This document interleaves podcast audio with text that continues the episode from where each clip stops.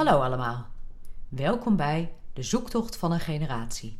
Mijn naam is Vrouwkje Jackson en in verschillende afleveringen ga ik samen met jou op zoek naar de uitdagingen en mogelijkheden die de millennial in zijn of haar leven tegenkomt.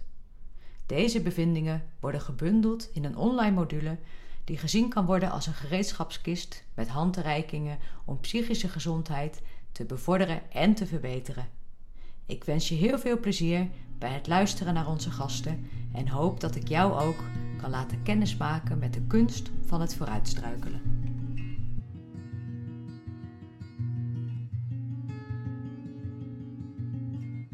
Vandaag verwelkomen we onze eerste internationale gast bij de zoektocht van een generatie. Welkom Linne de Loof uit België. Linne is millennial. Zij is werkzaam als psycholoog en heeft zich gespecialiseerd in het systeemdenken.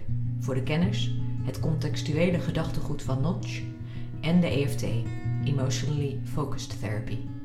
Mocht dit je niks zeggen, geen probleem.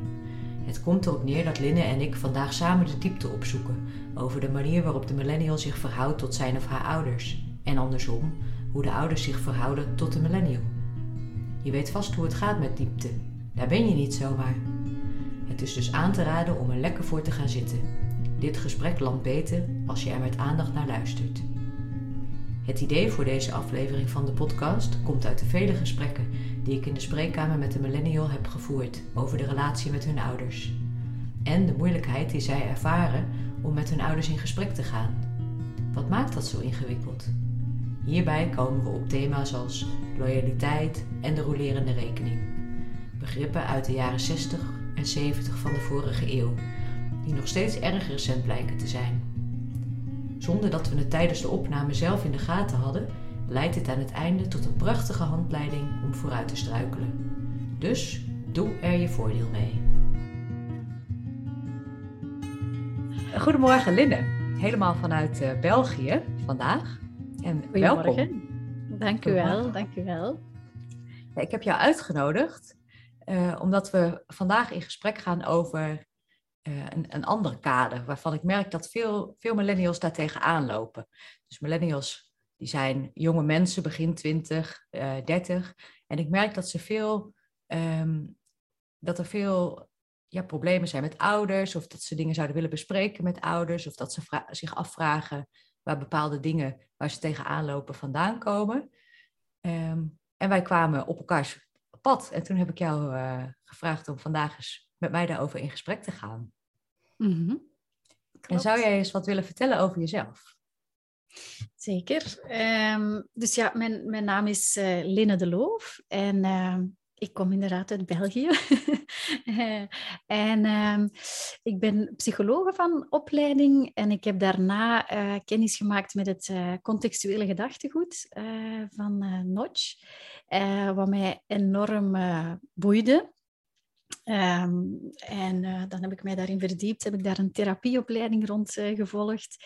Um, en natuurlijk, ik, ik ben nogal hongerig naar, uh, naar kennis. en ben ik blijven leren. en dan ben ik ook in het EFT-denken verzeild geraakt of mij gaan verdiepen. Um, en daar heb ik dus ook een therapie, therapieopleidingen gevolgd of nog aan het volgen. Ik ben er nog volop in bezig. Um, en wat, wat het fijne is aan die twee kaders en, en wat mij daar ook wel in triggert of zo, of in, in, raakt, is dat zij, ze hebben hetzelfde mensbeeld, namelijk dat wij, um, dat wij eigenlijk iemand worden in relatie met anderen. Dat wij niet zo tegenwoordig is er heel vaak zo het idee van um, heel individualistisch, alsof dat wij onszelf kunnen bedenken en kunnen maken en kunnen worden. Hè. Um, terwijl um, we blijven uiteindelijk allemaal kuddedieren. en, uh, en dus hebben wij die anderen zo nodig om, om iemand te worden. En dat spreekt mij enorm aan in die, in die beide denkkaders, want dat is ook wat ik merk in mijn werk als, als therapeut dan. Hè, want ik heb een, uh, een praktijk uh, waar ik koppels zie, gezinnen, mensen individueel. En in welke constellatie dat ze ook bij mij belanden, um, heel vaak botsen ze toch op uh, wie ben ik in relatie tot anderen en, en waar stokt dat dan? en hoe ze die anderen ook nodig hebben om in beweging te komen. Ehm, dus ehm, ja, dat kleurt zowel wat mijn, mijn kijk en mijn handelen ehm, als psycholoog, therapeut. Uh, en ook daarbuiten is dat wel een beetje mijn, mijn kijk op mensen en op relaties in het algemeen. Zo. Mooi. Ja, ik denk dat je er als mens ook niet aan ontkomt op een gegeven moment. Absoluut niet. nee. En um, voor, de, voor de mensen die niet zo bekend zijn met de, met de therapierichtingen, zou je eens kort kunnen vertellen uh, wat de beide richtingen inhouden? Uh, het zijn beide richtingen die onder het systeemdenken vallen. Hè. Dus um, iedereen kent de psychoanalyse, je hebt de gedragstherapie, je hebt meer experientiële kaders en dan heb je het, systeemdenken. Hè. Um, ik zal er zeker vergeten, maar dat zijn zo de vier grote stromingen hè, die er zo wat zijn. En zowel het contextuele denken als het EFT-denken vallen onder het systeemdenken. Um, het contextuele, wat dat daar, wat, wat dat daar uh, specifiek aan is, is dat dat een intergenerationele bril uh, heeft. Um, dus dat zij niet enkel gaan kijken in de relaties in het hier en nu, maar ook hoe dat die verbonden zijn over de generaties heen, wat dat we daaruit meenemen, welk erfgoed nemen we daaruit mee, hoe kleurt dat ons, ons handelen, ons zijn. Hè? Um, en dat zij daar um, een, een heel het idee van loyaliteit uh, daarbij um, als bril meenemen. Hè? Dat er een, een, een verbondenheid is tussen mensen en zeker tussen generaties, um, die dat wij niet kunnen verklaren door welke zorg is er geïnvesteerd of puur door bloedband of zo. Hè? Uh, maar een, een soort kracht die maakt dat wij als generaties verbonden zijn met elkaar ehm, en dat wij het zo goed willen doen voor die vorige generaties en het zo moeilijk vinden om ook dus lasten bij de vorige generaties te leggen bijvoorbeeld, hè, of zichtbaar te maken. Um, dus dat is zo wat contextuele denken. Mm -hmm. um, EFT of eh, Emotionally Focused Therapy, daar, daar, die combineren eigenlijk het heel het systemische, dus wat gebeurt er in interactie tussen elkaar en, en hoe vormen zich daarin patronen, met um, hechting. Hè. Ze hebben hechting eigenlijk geherintroduceerd, denk ik, hè, uh, in, het, in het therapieveld, uh, van hoe belangrijk dat dat toch is, uh, van hoe dat wij ons hechten aan mensen en hoe dat kwetsuren daarin, dat we die ook blijven meenemen, maar wel met het, het hoopvolle idee dat elke nieuwe relatie, dat is een nieuwe hechting, als je dat dan zo mocht zeggen. Je neemt je oude blauwdruk mee, maar daar is wel telkens de mogelijkheid om daar beweging in te brengen.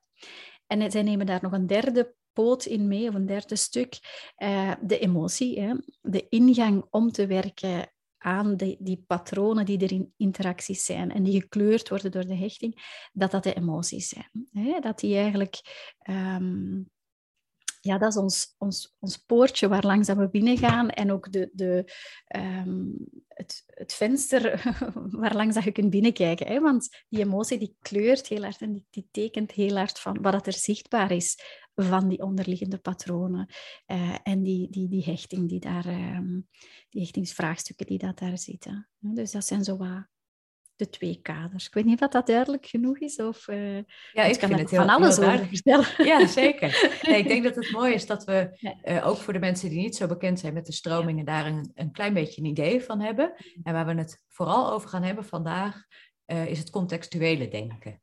Want Klopt. daar, ehm, ja, dat, dat vind ik een hele interessante invalshoek. En ik merk dus ook in de spreekkamer dat mensen daar, dat die het zo lastig vinden om ja, hun ouders uh, aan te spreken of uh, zelf vooruit te struikelen. Wat we natuurlijk veel merken is dat, ze, dat mensen het lastig vinden om, ja, om nieuwe dingen te proberen, dat ze daar zo, zo vast in staan. En dat ze uh, ja, ook niet de, het gereedschap hebben of de kennis of het inzicht van wat, wat maakt nou dat ik dit zo lastig vind. Mm. En, en daar gaan we het vandaag over hebben. Ja. Um, want je, zei, je, je, je, gaf het net al even aan uh, in de loyaliteit. Daar, mm-hmm. daar zit dus iets, volgens Notch, de, degene die dit denken vooral heeft uh, opgezet. Mm-hmm. Um, er is iets met loyaliteit. Ja, ja. Dat klopt. He, er is iets met loyaliteit en misschien moet ik het nog iets, iets ruimer trekken van... Um, we gaan er eigenlijk, of Notch gaat ervan uit, en, en wij met hem, dat in elke relatie zit er een, een zekere balans, hè, een, een, een evenwicht hè, of, of niet zoveel evenwicht. Hè. Uh, maar dat, dat lijkt een, weegschaal die de hele tijd tussen twee mensen aanwezig is, waarin dat we wat er wordt gegeven en wat dat er wordt ontvangen, waarin dat, dat heen en weer beweegt. Hè.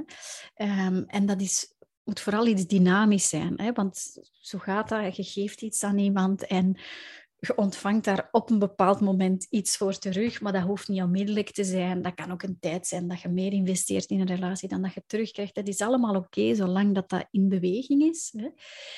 Um, en daar zit wel verschil tussen die, hoe dat die balans daaruit ziet bij um, mensen die um, op een gelijkwaardige manier met elkaar verbonden zijn, zoals partners, vriendschappen. Hè, ziet dat er wel wat anders uit dan bijvoorbeeld tussen ouders en kinderen, of grootouders en hun kinderen, kleinkinderen. Hè.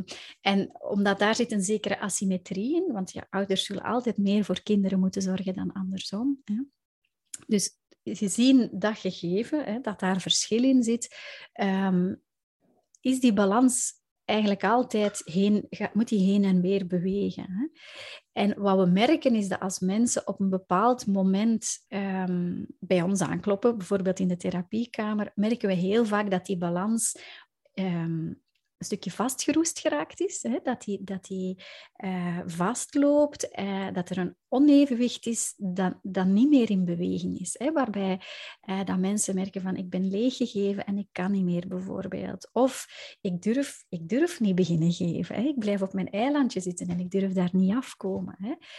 Um, en een van de zaken dat we merken van, want in het hier en nu hebben die balansen, maar vanuit het contextuele denken gaan we ook telkens kijken naar die balansen met onze ouders dan, hè, intergenerationeel. En heel vaak zien we als er daar iets uit balans is, nemen we dat ook mee naar onze andere balansen. Um, en het is net die loyaliteit die maakt dat wij dat is die kracht die maakt dat ouders voor kinderen zorgen en dat kinderen een, ja, een trouw is. We, hebben daar zo geen geen woord voor dat dat helemaal vat, want het is niet echt trouw, het is meer dan trouw, maar die maakt dat wij ons naar onze ouders blijven richten, daar rekening mee blijven houden, op onze manier steeds gaan proberen om iets terug te geven. Hè. Die maakt ook vaak dat waar dat we wat uitbalans is in relatie met onze ouders, eh, dat wij dat niet gaan aankaarten bij onze ouders of daar gaan terugleggen, maar dat we dat heel vaak naar andere balansen, andere relaties gaan meenemen. En dat noemen ze dan met een groot woord de rolerende rekening. Dat is zo'n groot begrip. Um, waarbij dat we eigenlijk ik, zeg maar eens, als je als kind heel veel zorg hebt moeten dragen voor een ouder, um, omdat hij bijvoorbeeld depressief was, weet ik veel, hè, um, dan voelde dan is dat uit balans. Hè. Dat, is, dat, dat, is geen evenwicht, dat is, dat ja, daar zit een onevenwicht in die relatie van wat je gegeven en ontvangen hebt. Um, heel vaak net omdat je voelt, die ouder is kwetsbaar en dat is mijn ouder. En die loyaliteit verhindert dat we die rekening gaan presenteren aan de ouder en zeggen van, hé, hey, dit kan eigenlijk niet en ik ben hier niet gezien in die zorg. Wat we heel vaak gaan doen, is die rekening presenteren aan onze partner of aan onze kinderen. Zeker kinderen zijn daar heel ontvankelijk voor. Um, om, om, um, die staan ook zo klaar om, om er voor u te zijn. Dus dat is heel vaak zien we dat het heel verleidelijk is om die rekening dan aan een partner te presenteren en te zeggen: hé, hey, nu is het aan mij. Nu heb, ik heb nu recht op zorg, want ik heb al zoveel zorg gedragen. Terwijl die partner daar natuurlijk niks mee te maken heeft en de kinderen al helemaal niet. Maar dat is dus iets dat we, dat we wel opmerken, dat die, um, die balansen die overal zitten, dat die overlopen in elkaar en dat er een neiging is om um, de rekening te presenteren op andere plekken dan, dat die, dan waar die hoort. Hè? Dat dat iets heel moeilijk is om daar tegenin te gaan, zo, tegen die neiging. Hè? Ja, en ik kan me ook voorstellen dat mensen daar helemaal niet over nadenken. Uh, dus je merkt helemaal niet dat het op, op die manier gaat.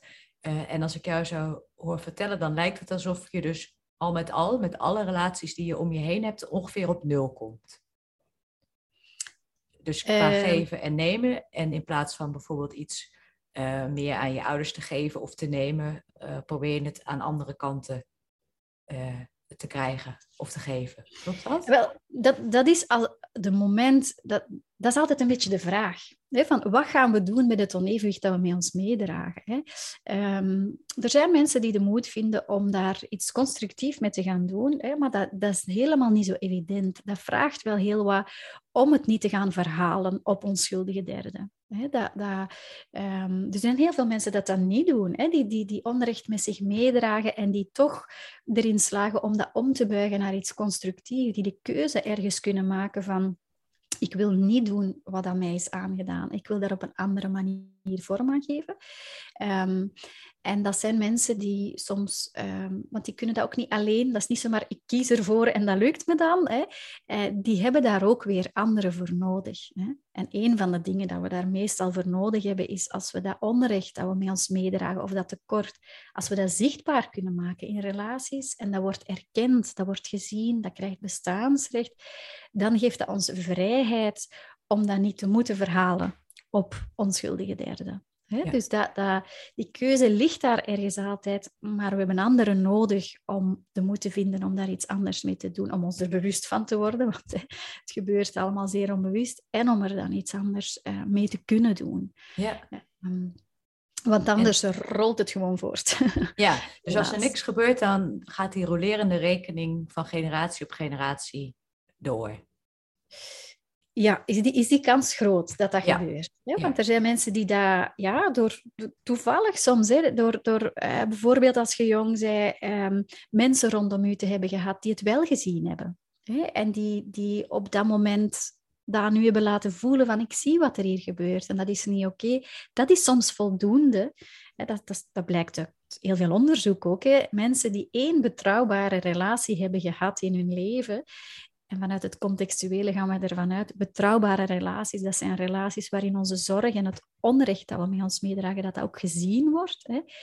Zo één relatie die stabiel in je leven met u meegaat, dat zijn de mensen die later veel minder, zowel internaliserende als externaliserende problemen vertonen. Hè. Dus die gaan die zijn daar niet bewust naar op zoek gegaan. Die hebben soms het geluk gehad of ja, uh, de kracht gehad of de moed om mensen op te zoeken, mensen tegen te komen, waarin dat ze in een relatie gezien zijn in de pijn die ze met zich meedragen. En dat is soms genoeg om het al te doorbreken. Ja, dus, dat is maar als dat niet gebeurt en we blijven daar alleen mee en het is niet zichtbaar hoe we gezorgd hebben en welk lijden dat we met ons meedragen, dan zien we wel dat dat vaak doorrolt. Hè? Ja. uh, Mooi, mooie, mooie achtergrondschets. Uh, als we hem vertalen naar de millennial, dus mm grofweg de mensen tussen 1985 en 2000, die dan mhm. in die tijd geboren zijn. Um, wat is denk je de relatie van deze achtergrond met wat we zien bij de twintigers en dertigers? Hoe zie jij mhm. dat in jouw praktijk? Uh, wel, ik was, ik was zo um, uh, als we elkaar de eerste keer ontmoet hadden, ik was zo getroffen door het woord vooruitstruikelen. Ik vind dat zo'n uh, mooi woord. Want dat is, dat is een vaardigheid, hè? Om, dat, om dat te kunnen en om dat te durven ook. Hè? Om te durven vooruit te struikelen. Um, en het, het, ik vond het heel herkenbaar dat je inderdaad merkt dat... Um, dat er bij de millennials vaak een, angst is om om te gaan struikelen. Hè? Um, alsof dat ze bang zijn, als ik val, ga ik nooit meer recht kunnen staan. Hè? Uh, en um, dat, als ik dat merk, ik merk dat inderdaad bij, bij heel wat mensen, dat het, het, het durven proberen, uh, met je gezicht op de grond vallen, terug recht staan. Hè? Want dat is leren, dat is opgroeien, dat is, dat is ontwikkeling. Hè? Dat daar een grote angst is op komen te zitten. En uiteraard ga ik dan denken van, waar heeft dat toch mee te maken? Hè? En dan... Um, als ik dat dan vanuit die intergenerationele bril bekijk, hè, en dat is, dat is natuurlijk veralgemenend, hè, maar zo, um, uh, dan stel ik me wel de vraag van wat maakt dat de ouders van deze millennials um, hun kinderen zo behoed hebben voor het struikelen. Mm -hmm. Uh, want blijkbaar hebben die kinderen niet ervaren, doe dat maar, dat is oké, okay, val maar, dat is veilig, want je zult wel terug recht staan en je gaat niet alleen zijn als je dat doet. Hè. Hun ouders hebben hen daarin behoed. Hè. En daar hoor ik veel zorg in, maar daar hoor ik dan, probeer ik dan mij ook voor te stellen van welk lijden zit daar dan achter. Um, En dan stel ik mij ergens voor dat die ouders ervaren hebben dat het niet veilig was om te struikelen. En dat, is dan, dat zijn dan, als ik dat juist heb, de ouders van de, uh, de naoorlogse generatie. Mm Dus, uh, en als je ouders hebt die in de oorlog hebben gezeten, dan is elke val die je doet waarschijnlijk klein in vergelijking met het lijden dat zij in de oorlog hebben gekend. Hè. Dus ik kan me voorstellen dat er niet veel ruimte is geweest voor de ouders van de millennials um, om het lastig te hebben en daarin gezien te zijn. Dus, dus ik kan me wel voorstellen dat die heel alleen zijn geweest in het struikelen en dat dat voor hen niet veilig voelde. Dat die um, ja, daar, daar eenzaamheid en pijn hebben ervaren in, in, um, in het lijden en in het vallen en dat het struikelen daardoor wel iets heel akeligs mogelijk is geworden. En dat zij hebben gezegd, dan nooit voor mijn kinderen. Hè? Uh, wat heel zorgzaam is, hè? maar daar hoor ik dan die rolerende rekening, want in het zo graag hun kinderen voor dat lijden behoeden, um, hebben die kinderen, die millennials, ook niet de ervaring mogelijk gehad van, ja, maar doe maar, val maar. Hè? Dat, dat, dat hoort erbij en dat is helemaal oké. Dat is niet, is niet gevaarlijk. Hè? Um, dus, dus daar roept dat wel bij mij op. Zo. Dat, dat, ja, dat vind, ik, vind ik heel mooi dat je, dat je zegt, uh, wat, wat, heeft, wat is er bij die ouders gebeurd? Dus wat er mm. nu, wat er vaak gebeurt, wat je in de media ziet gebeuren van, nou, de millennial durf niet te falen, durf niet vooruit te struikelen, durf niet dit, durf niet dat. Dat is zo wijzen met de vinger en, en ook eigenlijk van, nou, hier heb je een probleem en los het dan ook maar weer op. En dit is zo, zo'n andere manier om daar naar te kijken, wat zoveel ruimte ook biedt. Want ik, het doet me mm. denken aan, ehm, ja, zo'n, als je een steen in het water gooit, dan heb je eerst een heel groot golfje. En daarna worden die golfjes steeds kleiner. En wat jij eigenlijk zegt, gaat steeds verder. Want er was eerst, er was oorlog in 1940, 45. Dus de mensen die daarna kinderen op gingen voeden, geven iets door. Wat maakt dat we nu uiteindelijk hier staan. Mm. Mm-hmm. Eh, eh, eh, dus dat gaat zoveel verder terug. Dan alleen, ja, nu, wat er nu gebeurt. Ja, absoluut. ja. Um, want ik denk, kijk, als de mensen geboren zijn in 85 tot 2000, dan zijn hun ouders, denk ik, uh, de kinderen van de generatie die de oorlog heeft meegemaakt. Ja. Dus dan zou het inderdaad heel logisch zijn, als je er op die manier naar kijkt, dat er weinig ruimte is geweest voor hen. En als ik het goed begrijp, uh, kan het dus ook zo zijn dat die rolerende rekening dan de verkeerde kant, of de, nou niet de verkeerde, maar de andere kant opslaat. Dus zij hebben zich heel alleen gevoeld. Dus gaan zij dan als reactie daarop heel erg erbovenop. Klopt dat? Ja, ja, ja klopt. Ja, want dat is inderdaad... Um, dat, dat, is iets wat we allemaal kennen, denk ik. Of dat, dat is toch voor mezelf heel herkenbaar. De moment dat je ouder een ouder wordt, hè, dat je zegt, ja, maar dat ga ik zeker niet doen. Hè, dat wil ik zeker niet dat mijn kinderen meemaken. Uh, waardoor dat we vaak zo naar het tegenovergestelde overslaan, dat we eigenlijk het, hetzelfde doen of dat het onrecht verder rolt. Hè? Dat, dat, en, en dat is wat ik... Dat is een hypothese, hè? maar dat is wat ik mogelijk wel, wel zie gebeuren daar. Hè? En wat ik ook soms wel zie in mijn praktijk. En dat zal niet voor iedereen gelden, maar het is wel iets dat ik gewaar word zo van... Ehm, die, die grote angst dat daar zit op dat struikelen, ehm, dat vertelt mij gewoon, ja, je hebt het nog niet ervaren dat het veilig is. En dan denk ik, oké, dan heeft iemand u proberen te behoeden voor gevaar. Hè? Mhm. En, en dat is wat ik ook wel telkens meeneem vanuit die contextuele bril, is van bij telkens te gaan kijken bij wat dat er gebeurt, welke zorg schuilt daarachter hè? en ook welke prijs is ervoor betaald of wel on, on, welk onrecht vindt er dan plaats. Hè? Uh, maar daar zit dus wel, daar ga ik sowieso van uit, daar zit zorg achter vanuit de ouders. En die is doorgeschoten vanuit een eigen lijden. En dan keert het zich inderdaad om. Want dan heb je plots kinderen die niet meer durven lijden of die bang worden van het vallen. Hè? Uh, um, dus ja, zo, uh, zo kijk ja. En, um, want het, het zou dus zelfs zo kunnen zijn als ik kijk naar mensen die bij mij komen, dat het niet eens de angst is voor het vallen, maar niet eens het proberen te vallen. Proberen, ja. waardoor je eventueel kan vallen. Ja. En als je dat bekijkt vanuit de contextuele therapie, wat zou de, uh, wat, wat is dan de zorg en wat zou de nood kunnen zijn hiervan? Van de, vanuit de ouders?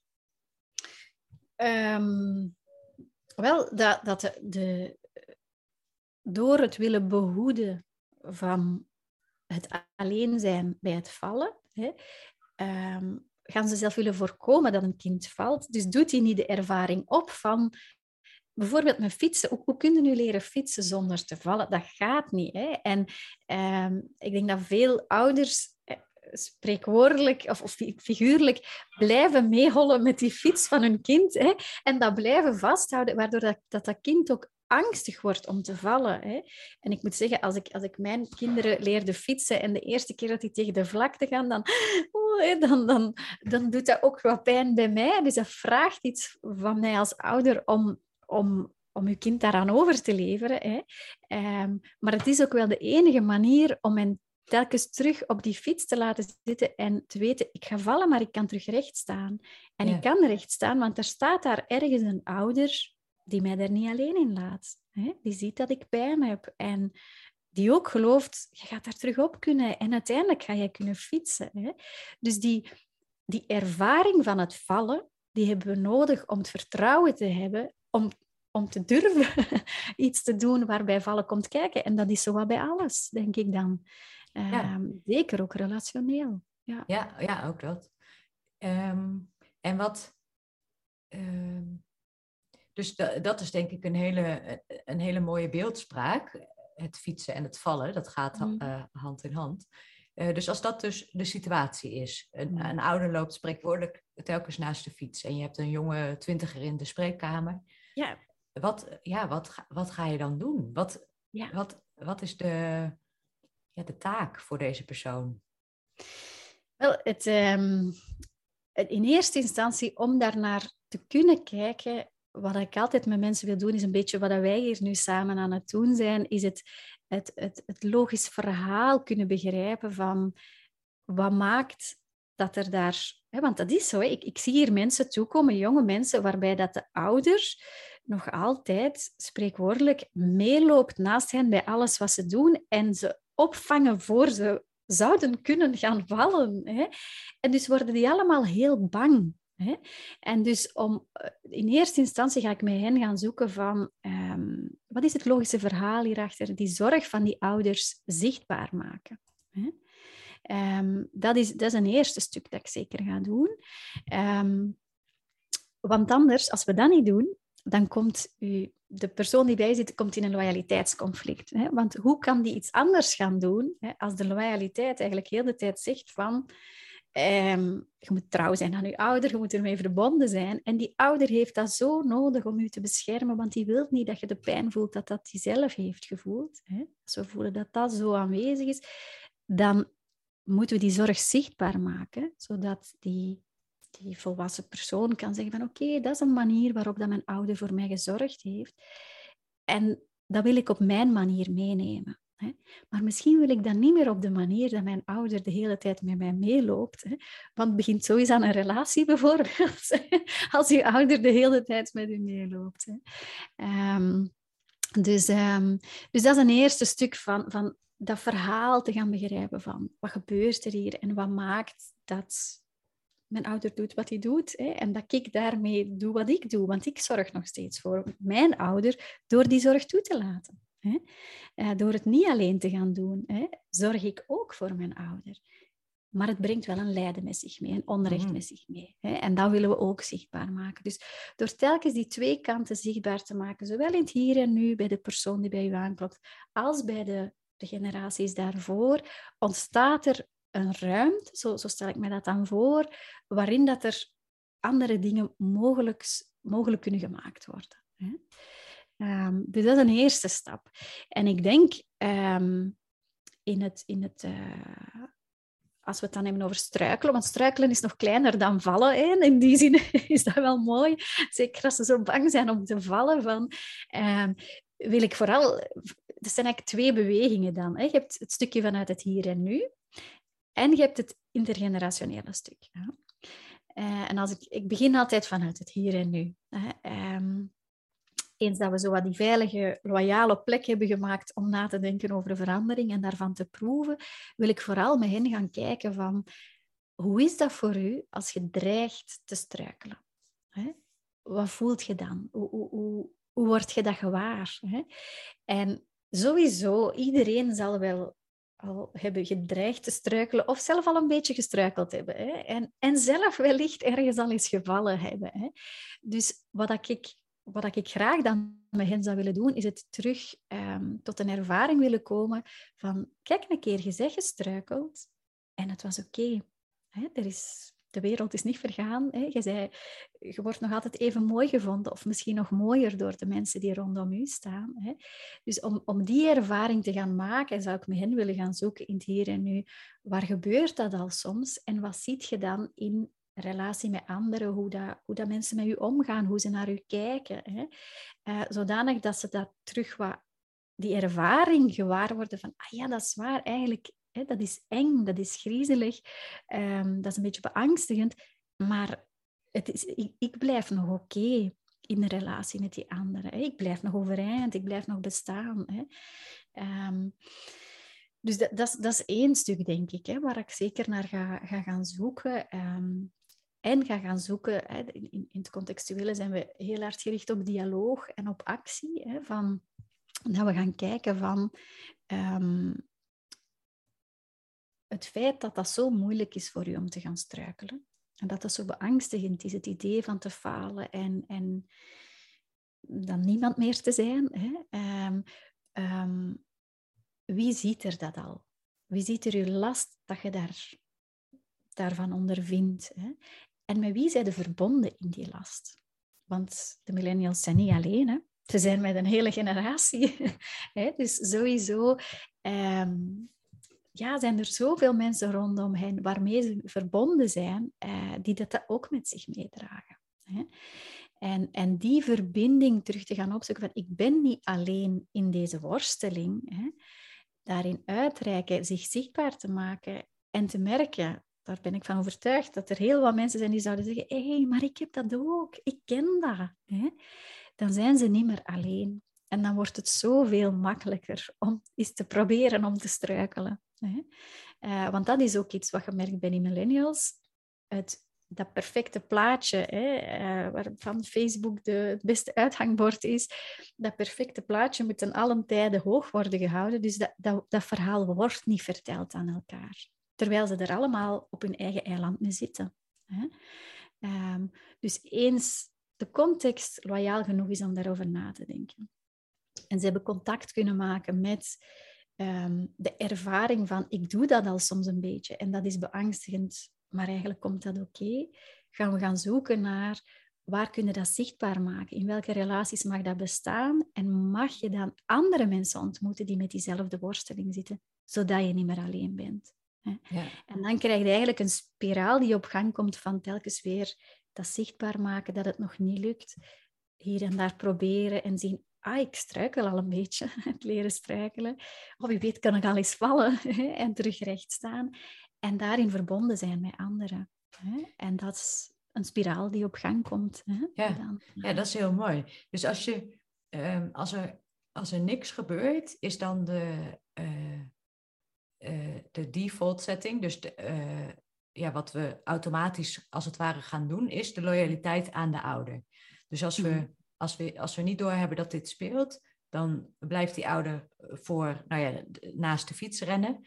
En eh, blijft het kind daar niks van zeggen. Dus dat is, dat is de default van de rolerende rekening. Klopt dat? Ja, ja, ja. ja. Als er eh, ervan uitgaand dat er niet natuurlijk in de levensloop dingen gebeurd zijn die dat gecounterd hebben. Hè? Dan, dan, ja, dan is dat zo.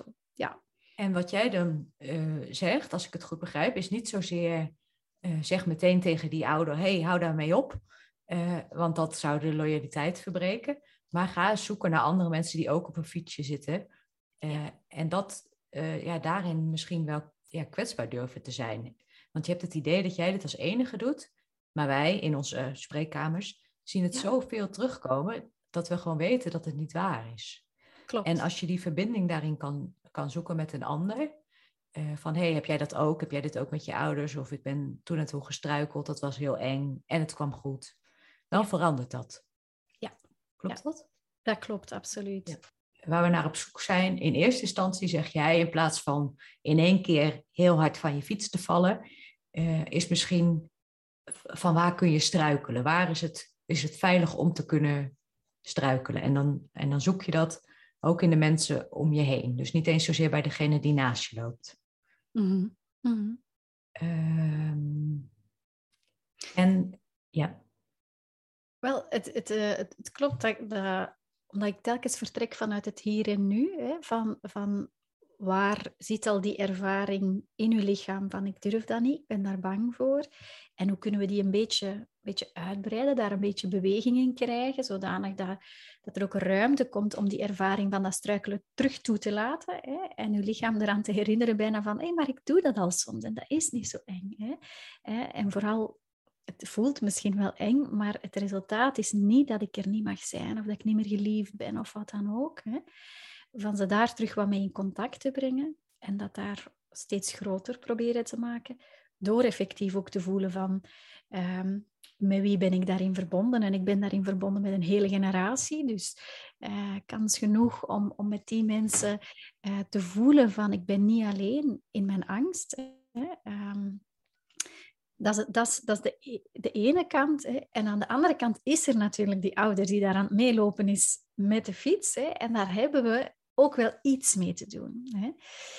Um, en daar zit natuurlijk wel wat verschil in van, dat is ook wel een inschatting dat ik vaak ga maken met, met de mensen die hier komen, van, um, en dat is niet altijd makkelijk, van welke ruimte hebben we daar om iets te brengen van uw angst om te struikelen. Hè, en van het lijden dat dat met zich meebrengt. Hè. Uh, en van de zorg die daarin schuilt. Uh, dat je die ouder nog altijd toelaat om mee te laten rennen. Hè. Uh, dus dat, dat is een inschatting dat we samen een stuk maken. Um, om dan eventueel te kijken van, is er in dialoog met je ouders wel iets anders mogelijk? Hè? En een, een insteek die ik daarin um, wel ergens uh, zinvol vind, hè, of, of, of is in het gesprek met ouders wel eens te gaan vragen vanuit een, nieuwsgierigheid van hoe was dat voor, voor jullie om te struikelen? Zijn jullie mm. vaak gestruikeld? Zijn jullie vaak gevallen? Hè? En hoe was dat dan? Hè? En, en hoe hebben jullie dan voor mij proberen zorgen door mij daarvoor te behoeden? Uh, omdat, dat weten we ondertussen ook, als mensen gezien zijn in die zorg en in dat onrecht, dan is er zoveel meer ruimte om iets anders te doen. Hè? Dus een ouder um, die ergens, en dat, dat, dat is een beetje het hart van wat dialoog is, hè? dat is um, dat er enerzijds een uitnodiging is van ik wil, ik wil u kennen hè? In, in, in uw innerlijke wereld, in de zorg die je draagt, in het onrecht dat je met je meedraagt. En ik wil tegelijkertijd iets zichtbaar maken van het lijden waar ik mee rondloop, het onrecht dat mij is aangedaan en de zorg die ik draag. Hè. En daar gaan we vanuit van als, als dat mogelijk is, als mensen dan naar elkaar toe kunnen communiceren, dan kan er een stukje heling ontstaan. Hè. Dan ontmoeten elkaar echt. En dat hoeft daarom helemaal niet, um, hoeft helemaal niet overeen te komen, of daar mag veel verschil in zitten, maar elkaar daarin mogen zien en daarbij mogen zijn. Um, dat geeft heel vaak wel, wel iets genezend aan mensen en geeft, geeft ruimte, vrijheid om weer wat andere dingen te gaan doen. Hè. Hm. Dus om dat gesprek ergens aan te kunnen gaan. Um, en, en nu stel ik het precies voor of dat, dat allemaal zo mooi naar elkaar kan. Dat heel netjes altijd, ja, toch? Precies zo. Ja, wat natuurlijk in de praktijk helemaal niet zo is. En, en dat is een heen en weer beweging en een proberen. Maar het, als, als, als, als ik mensen ergens kan ondersteunen in dat proces van wel met die ouder te gaan praten die nog altijd naar, naast de fiets loopt met de vraag van wauw, hoe probeerde jij te zorgen door hier zo lang met mij mee te lopen? Hè? Waar, waarvoor probeert je mij te behoeden? En, eh, en hoe zou dat voor u zijn om dat los te laten? Hè? En dan iets zichtbaar te maken, want voor mij is het wel heel spannend geworden om zelf nog maar te denken aan struikelen. Ik durf niet beginnen fietsen, want het idee dat ik alleen zou fietsen en zou vallen, dat, dat doet iets bevriezen. Dus ik durf er niet aan beginnen. Ik durf niet aan een relatie beginnen. Ik, ik ga op stage, maar vanaf de eerste hindernis stop ik ermee. Hè? Van een hindernis die in de verte in zicht is. Hè? Van dat een stuk zichtbaar te kunnen maken. Uh, zonder me inderdaad, hey, stop daar eens mee. maar iets zichtbaar te maken van, dat is hoe dat, dat bij mij van binnen gebeurt. En, en, en ik probeer een goede zoon of dochter te zijn door u ook zo toe te laten van mee te lopen. Uh, maar misschien heb ik ook nog iets anders nodig, want ik ben hier ook wel van aan het afzien. Hè? Um, als we mensen daar ergens in kunnen ondersteunen, in, in dat proces aan te gaan met hun ouders, dan ja, creëert dat ook intergenerationeel de vrijheid om, om iets anders te gaan doen en te beginnen durven struikelen. ja. ja, dat zou heel mooi zijn. Want uh, als ik daar nu zo over nadenk. Uh, dus de, ik zie dan zo'n ouder naast zo'n fiets rennen, zo'n kind misschien met een helmpje op, het, op het fietsje. Uh, het lijkt me ontzettend ook vermoeiend voor die ouder die maar jarenlang meerent. En eigenlijk is het contact met de ander dus in de vorm van andere kindjes die ook op hun fiets zitten. En dat je roept, hé, hey, uh, cool, mooi dat we dit aan het doen zijn. En daar rent dan ook weer zo'n ouder naast. En dan in een hele club.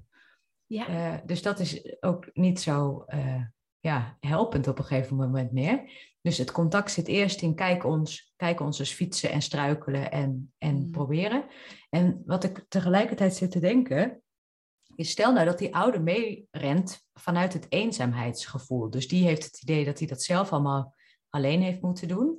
En die loopt nu mee, uh, omdat hij bang is dat het, dat het kind zich anders ja, eenzaam en alleen daarin voelt. Maar mm. dat is dan weer ja, doorgeslagen eigenlijk, want daardoor uh, wordt die ruimte ingenomen. Dus zou mm. het dan zo kunnen zijn dat als we kunnen laten weten, hé, hey, we staan hier, dus ga maar een stukje fietsen en als je terugkomt, dan sta ik op de oprit.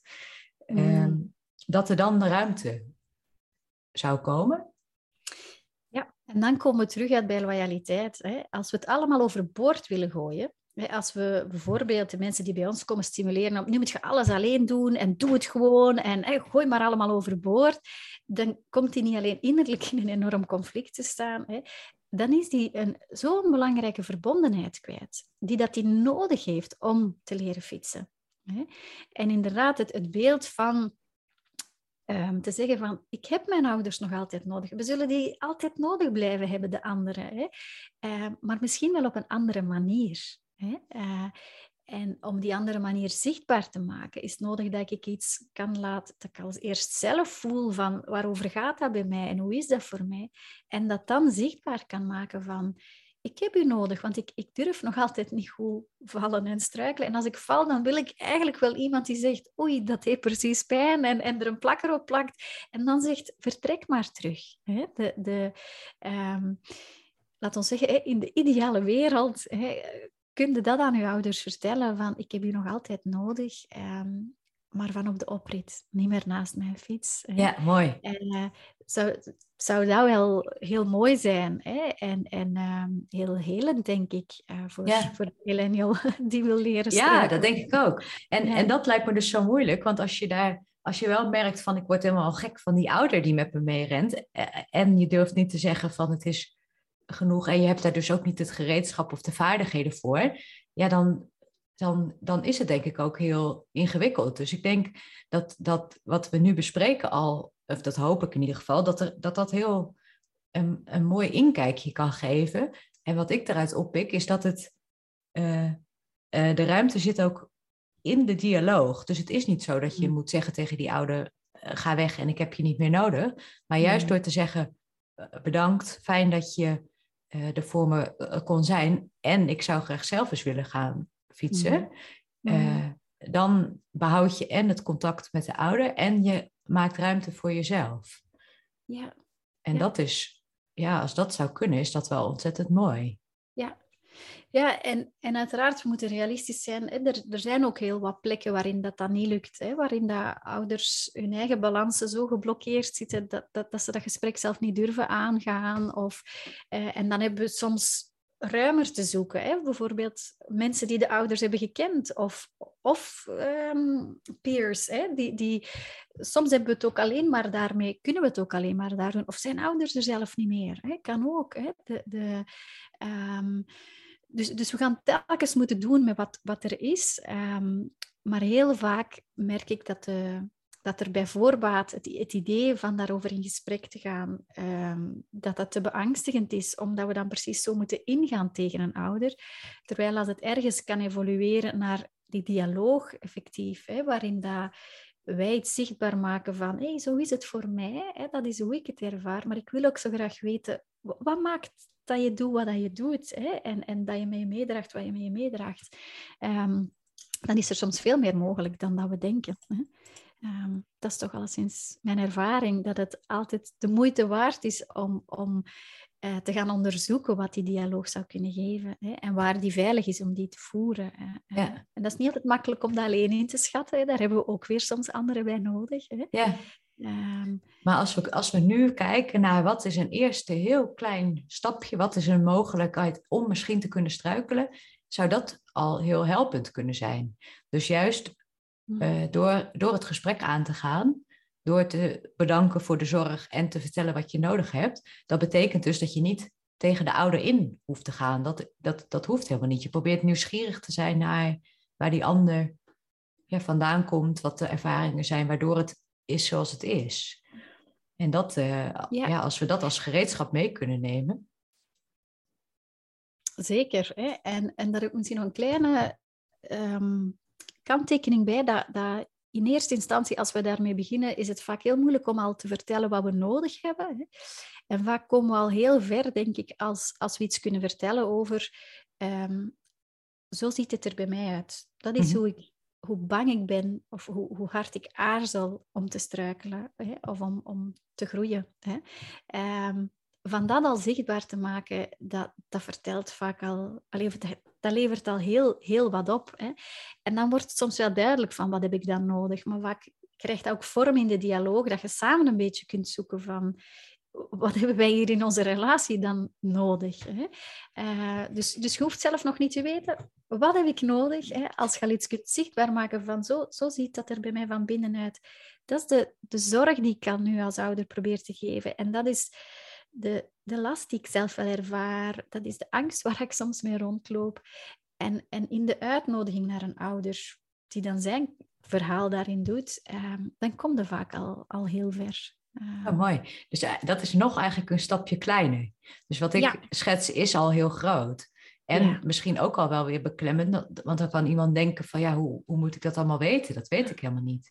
Terwijl dus als je, jij zegt als je kan zeggen, dit is wat ik, wat ik voel, uh, en dat probeert te vertellen aan een ouder. Mm dat is, het, is dat dan het allereerste mini-mini kleine stapje? Dat is het eerste stapje als we het hebben over wat doen we naar de ouders toe. Hè? En, en als ik, eh, om, om dat te kunnen doen, daar is wel wat voorbereidend werk bij nodig. Hè? Uh, namelijk het, wat ik daarvoor zei, van in dat hier en nu zelf terug wat in contact komen met ja, hoe is dat eigenlijk voor mij? Hè? En wat gebeurt er bij mij als ik, probeer, als ik denk aan struikelen? En, en waar durf ik het al? En waarin ben ik daarin verbonden met anderen?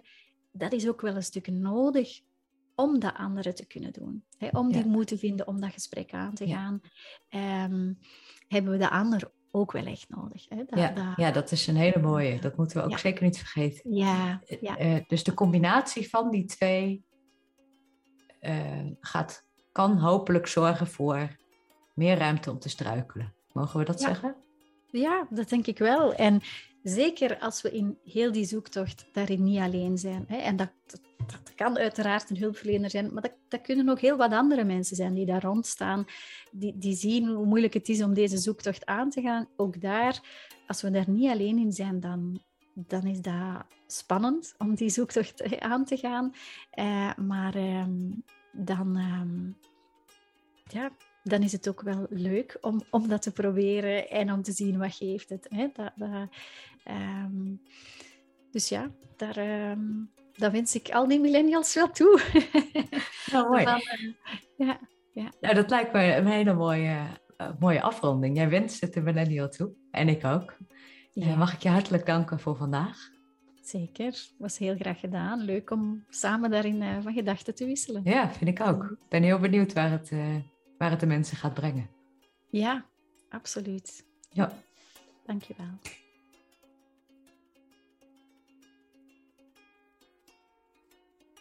Zo, dat was hem. Bedankt voor het luisteren. Ik ben benieuwd waar jij het gereedschap van vandaag voor gaat gebruiken. En wil je meer weten? Stuur me dan een berichtje op LinkedIn of volg ons via je favoriete podcast-app.